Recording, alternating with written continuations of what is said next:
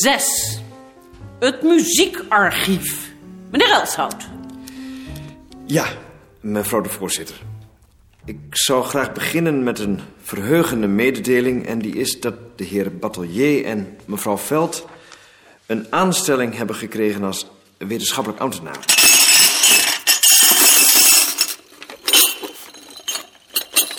Meneer Alblas. Yes! Waarom zit meneer Elshout zo tight op zijn onderzoeksresultaten? Why? Waarom weigert hij een student van mij... die een bundel met zeemansliedjes had willen uitgeven... aan teksten te helpen? Why? I don't get it. Jesus Christ. Lien moet die taart hier brengen. Het gaat zo helemaal mis. Ik zal het zeggen. Christ. Meneer Elshout. Ik tracht te voorkomen dat mijn liedjes in verkeerde handen komen. In verkeerde handen? Ik schors de vergadering voor enkele ogenblikken. Eh, deze taart is een rouwtaart. De bedoeling was om hem straks, na de opheffing, op te eten. Hij is er nou wat eerder. Wie van u wil een stuk? Ik niet, Lien. Dan kunnen we dan nu weer doorgaan of wat doen we? Eh, ik wil over dit punt nog wel graag een opmerking maken. Het irriteert me dat buitenstaanders de zaken die wij verzamelen altijd koppig als onderzoeksresultaten willen zien, terwijl het onderzoeksmateriaal is.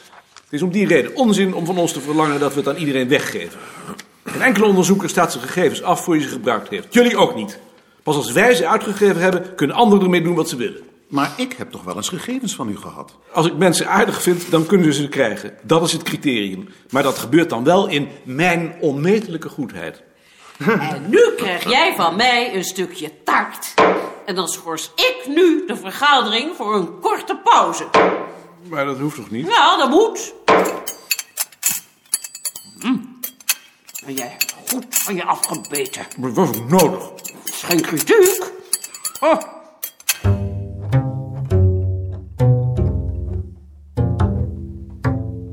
De koning.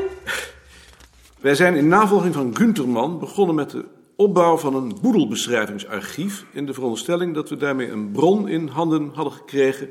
die het mogelijk maakt om de verspreiding van voorwerpen in de tijd en in de ruimte... op de voet te volgen, waarbij ik bij ruimte niet alleen denk aan geografische... maar ook aan sociale ruimte. Meneer Goslinga. Ik volg het betoog van de heer Koning met veel belangstelling, mevrouw de voorzitter. Omdat er op het ogenblik meer mensen in Nederland in die richting bezig zijn.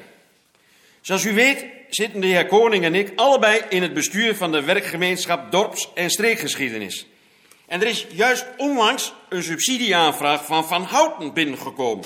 Voor een van zijn promotieassistenten, die ook met de opbouw van zo'n archief bezig is.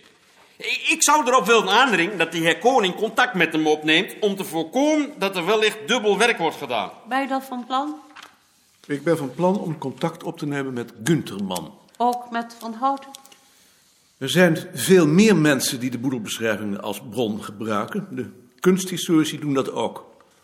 Zou het dan niet een goed idee zijn, mevrouw de voorzitter, als de heer Koning stappen ondernam om die verschillende onderzoeken te coördineren? Dat lijkt me iets wat bij uitstek op de weg van dit instituut ligt. En van het hoofdbureau. Als wij daaraan onze medewerking kunnen verlenen, dan graag. Is dat wat? Dat zou wat zijn als we hetzelfde doel hadden, maar Van Houten wil er iets heel anders mee. Laat de heer Koning nou eens beginnen met contact op te nemen met collega Van Houten. Kan dat? Ik zal overdenken. Nog iets? Nee, verder heb ik niets. Dan komen we nu aan het laatste punt van de agenda. En dat is dan eh, dat we onszelf moeten opheffen. Ben blij dat meneer Papendal hier is. Want dat geeft mij tenminste de gelegenheid om mijn verbazing uit te spreken. Ik wil maar zeggen. Ik heb wel eens gehoord dat de commissies bijkwamen. Maar dat de commissies worden opgegeven, laat staan dat ze zichzelf moeten opheffen, daar heb ik nooit van gehoord. En zeker niet als het een commissie was die zo'n duidelijke functie had. Ik kan me dan ook voorstellen dat het laatste woord daarover nog niet gezegd is. Wie mag ik het woord geven? Karst?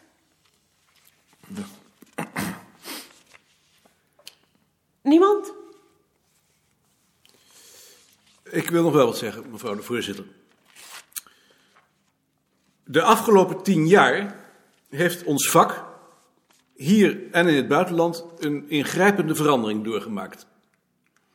De aandacht is verschoven van rudimenten van tradities naar culturele processen en het begrip cultuur is verruimd tot het hele terrein van het dagelijks leven. De commissie heeft dat altijd loyaal begeleid. Zonder een commissie die het hoofdbureau ervan wist te overtuigen dat wij voor die omschakeling de tijd en de ruimte moesten hebben, zouden we die ontwikkeling niet mee hebben kunnen maken. Wij, mijn afdeling en ik, zijn daar dankbaar voor en het vervult ons tegelijk met zorg voor de toekomst. We moeten maar afwachten of de nieuwe commissie, die in de eerste plaats zal gaan waken over de identiteit van het instituut, dezelfde aandacht zal hebben voor de identiteit van onze afdeling en van ons vak. Om die reden vind ik de beslissing van het hoofdbureau om de commissie op te heffen een onzalige beslissing. En ik zou daaraan uitdrukking willen geven door u en mevrouw Veldhoven deze bloemen aan te bieden. Nou, dat is ook weer niet nodig geweest. Eh, ik stel voor dat we de secretaris opdragen om namens ons in deze geest een brief aan het hoofdbureau te sturen. En dan hef ik hiermee de commissie op. Is zo goed?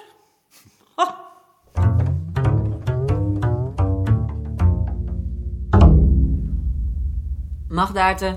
Dag Joop, Eh, na de eerste koffie houden we een nabespreking over de vergadering van de commissie. Morgen. Dag Ad, na de eerste koffie houden we een nabespreking over de vergadering van de commissie. Goedemorgen, Maarten. Dag Lien, na de eerste koffie houden we een nabespreking over de vergadering van de commissie. Hoe is het gegaan? Belazerd, maar dat vertel ik straks wel. Goslinga wil dat we contact opnemen met Van Houten. Ja, meneer Koning. Ik ehm, heb uw brief over eh, mevrouw eh, Carla Tulp gevonden. Als u vandaag de papieren nog brengt, dan zal ik proberen, proberen om het nog voor 1 februari rond te krijgen. Maar eh, ik ben bang dat het wel 1 maart zal worden. Moet ik ze u persoonlijk brengen? Geeft u ze maar aan de portier. Maar zegt u er wel bij dat het haast heeft, anders blijven ze liggen. Carla Tulp zal wel 1 maart worden. Koning, Wat is er gisteren nu precies besloten? ik breng je de notulen als ze af zijn. Ik bedoel over die brief aan het hoofdbureau. Dat ik een brief schrijf aan het hoofdbureau. Laat mij die dan wel lezen. Je krijgt een kopie. Balk wil de brief aan het hoofdbureau eerst lezen. Die wil natuurlijk niet dat zijn plannetjes doorkruist worden. Dag Maarten. Bart, na de eerste koffie houden we een nabespreking over de vergadering van de commissie. Je zegt het alsof je je ontslag gaat aankondigen. Daar ben ik na aan toe.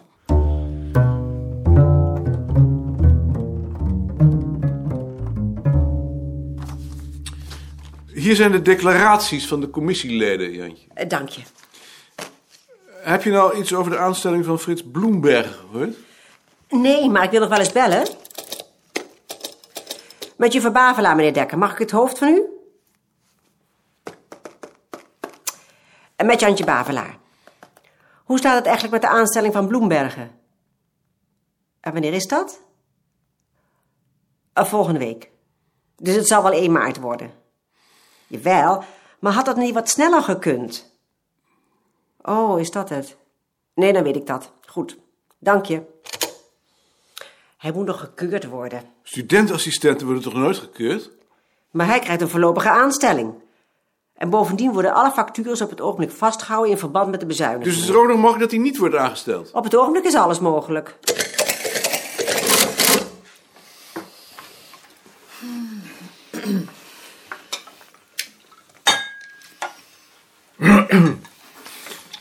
Ehm, we hebben gisteren dus de laatste commissievergadering gehad en ik ben daar niet vrolijker van geworden.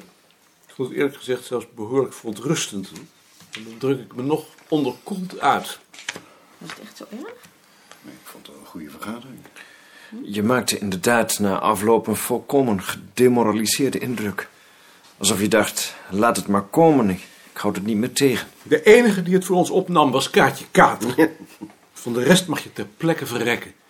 Waar bleek dat dan uit? Het begon met het bekende gezegd van Al Blas. Hij klaagde zich natuurlijk weer dat jarige liedjes er afstaan voor een publicatie van een van studenten. Terecht.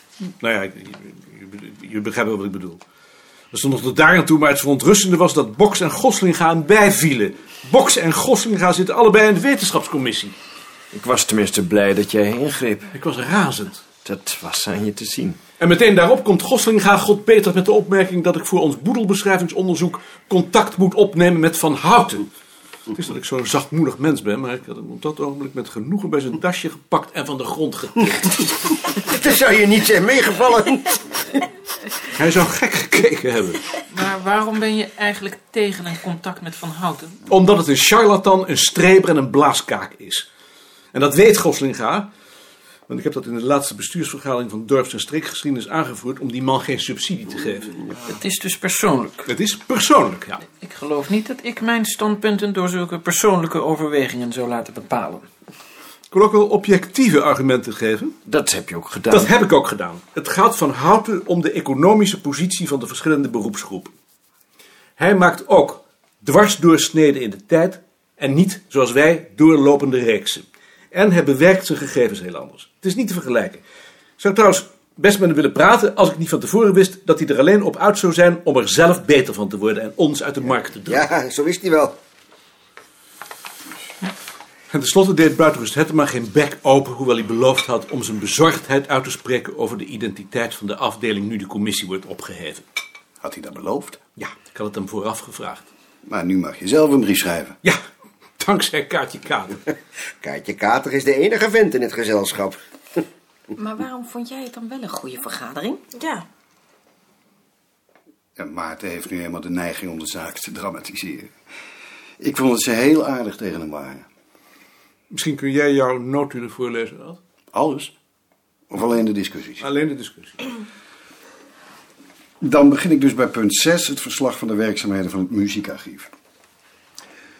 De heer Elshout deelt mee dat de heer Batelier en mevrouw Veld een aanstelling hebben gekregen als wetenschappelijk ambtenaar en geeft vervolgens een beknopt overzicht van de werkzaamheden, de stand van zaken bij het liedonderzoek en de uitgaven van de grammofoonplaten. De heer Alblas wil weten waarom een van zijn studenten die een bundel zeemansliedjes wil samenstellen, geen gebruik mag maken van de liedjes die zich in het archief bevinden. De heer Elshout antwoordt dat hij op dit punt terughoudend is om te voorkomen dat de liedjes in verkeerde handen komen. De heer Boks vraagt wat hij daaronder moet verstaan. De heer Koning merkt op dat buitenstaanders de liedverzameling te vaak als onderzoeksresultaat zien, terwijl het onderzoeksmateriaal is. Pas als het is uitgegeven kunnen anderen daarmee doen wat ze willen.